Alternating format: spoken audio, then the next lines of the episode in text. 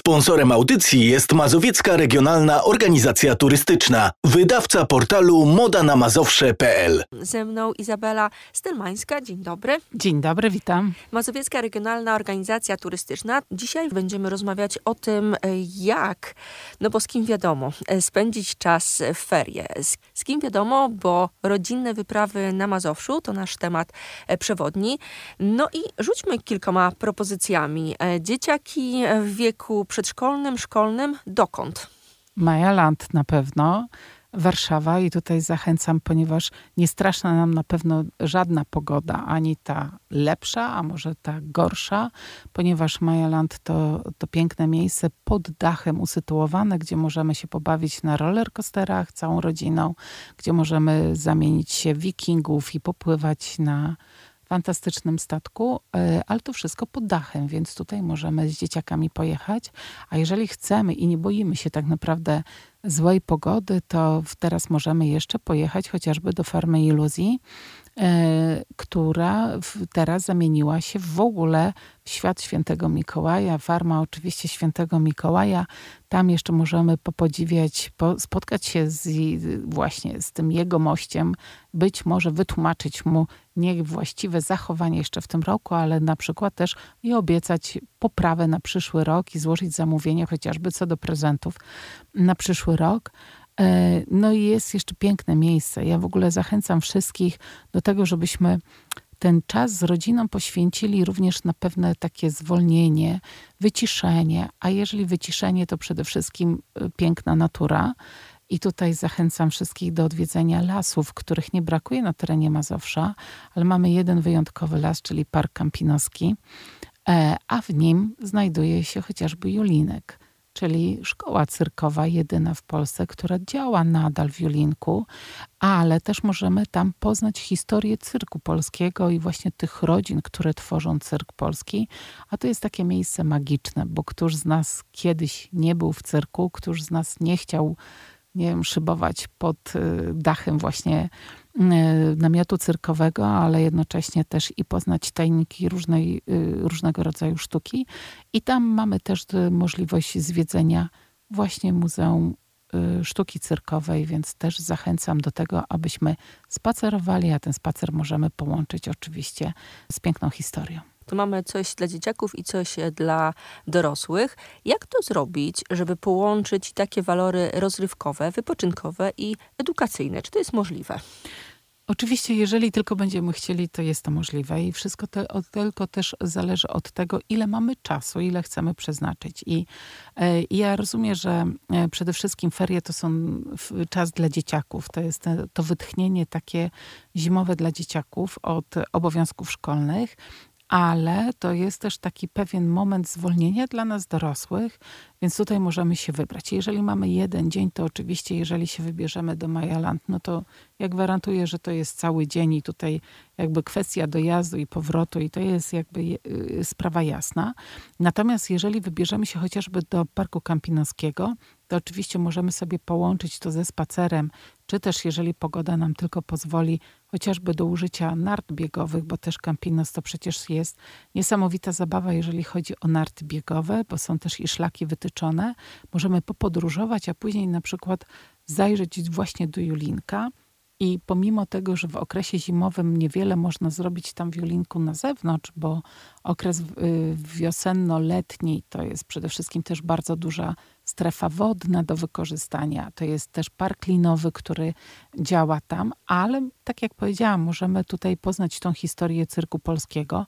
Nie każdy z dzieci teraz zna w ogóle jak wyglądał kiedyś cyrk, jak wyglądała ta cała sztuka cyrkowa, ale też nie każdy zdaje sobie sprawę, gdzie oni wszyscy pozyskują właśnie umiejętności.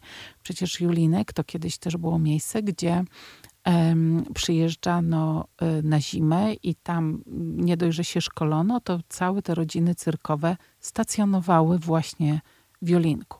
Więc wszystko zależy od tego, ile mamy czasu, bo możemy też pojechać i połączyć to chociażby z noclegiem i z innymi atrakcjami po drodze, ale to wszystko zależy przede wszystkim to musimy usiąść i zaplanować, czy mamy jeden dzień, czy dwa dni, czy chcemy podróżować pewnym tematem takim właśnie zobaczyć. Ach, jeszcze jedną rzecz zapomniałam powiedzieć.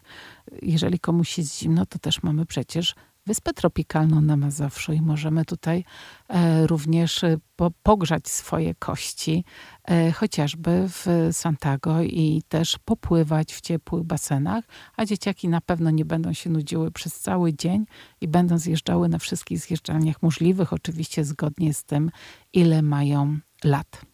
Cały czas ze mną Izabela Astelmańska, Mazowiecka Regionalna Organizacja Turystyczna, rodzinne wyprawy po Mazowszu. O tym dzisiaj rozmawiamy. Padło kilka propozycji, kilka też opcji do rozważenia. Może spróbujmy zaplanować naszym słuchaczkom, słuchaczom e, dzień i załóżmy właśnie, że jest jeden dzień wolny, cała rodzina, e, dzieciaki w wieku przedszkolno-szkolnym, decyzja o godzinie 8 rano do podjęcia. Jak rozpocząć? Dokąd? Jak rozpocząć i dokąd? U, ósma rano, to ja przede wszystkim, ja bym jednak zaczęła właśnie od tego spaceru. I jeżeli nie chcemy, albo mieszkamy gdzieś dalej, nie, nie, nie tylko w Warszawie, ale e, to znaleźć chociażby mazowieckie parki krajobrazowe są również otwarte i możemy to połączyć z pięknymi terenami. I ja tutaj jestem dużą zwolenniczką jednak tego, żebyśmy odpoczywali na świeżym powietrzu i chociażby możemy pojechać Celestynów, niedaleko też Warszawy, ale piękne bagna całowanie, gdzie możemy pospacerować różnymi e, ścieżkami takimi tematycznymi, edukacyjnymi i e, powędrować właśnie z dzieciakami. A jak już będziemy tam, to też możemy zajrzeć od razu do Otwocka i popodziwiać chociażby piękną architekturę e, pałacu w Otwocku Wielkim, więc tak naprawdę albo na przykład udać się jeszcze z dzieciakami w jedno miejsce, co jest magią totalną, czyli stacja muzeum, ale z e, muzeum kolejki wąskotorowej w Sochaczewie. I tutaj możemy w ogóle oddać się takiej przyjemności właśnie poznawania. Jeżeli ktoś ma jeszcze synów, którzy są zainteresowani w ogóle pociągami, to cóż więcej chcieć, czyli możemy tutaj połączyć e, chociażby spacer Kampinowskim Parkiem Krajobrazowym, yy, przepraszam, Narodowym oczywiście, później pojechać do Sochaczewa, poznać historię kolejki wąskotorowej, ale połączyć to jeszcze z jedną ważną postacią na terenie Mazowsza, czyli Fryderykiem Chopinem. I jeżeli już tutaj będziemy, to niedaleko jest Żelazowa Wola, to jest oczywiście Brochów, czyli miejsce, gdzie był chrzczony Fryderyk Chopin i tak spędzimy cały dzień. I niestety mamy, jesteśmy też w takim okresie, gdzie ten dzień jest dosyć krótki i dosyć szybko ciemno się robi, więc musimy się bardzo śpieszyć, czyli musimy faktycznie od ósmej zacząć od tego spaceru, później przejechać, ugrzejemy się trochę w samochodzie mm, do właśnie takich atrakcji, jak chociażby Muzeum y, Kolejki Wąskotorowej, no a później możemy coś jeszcze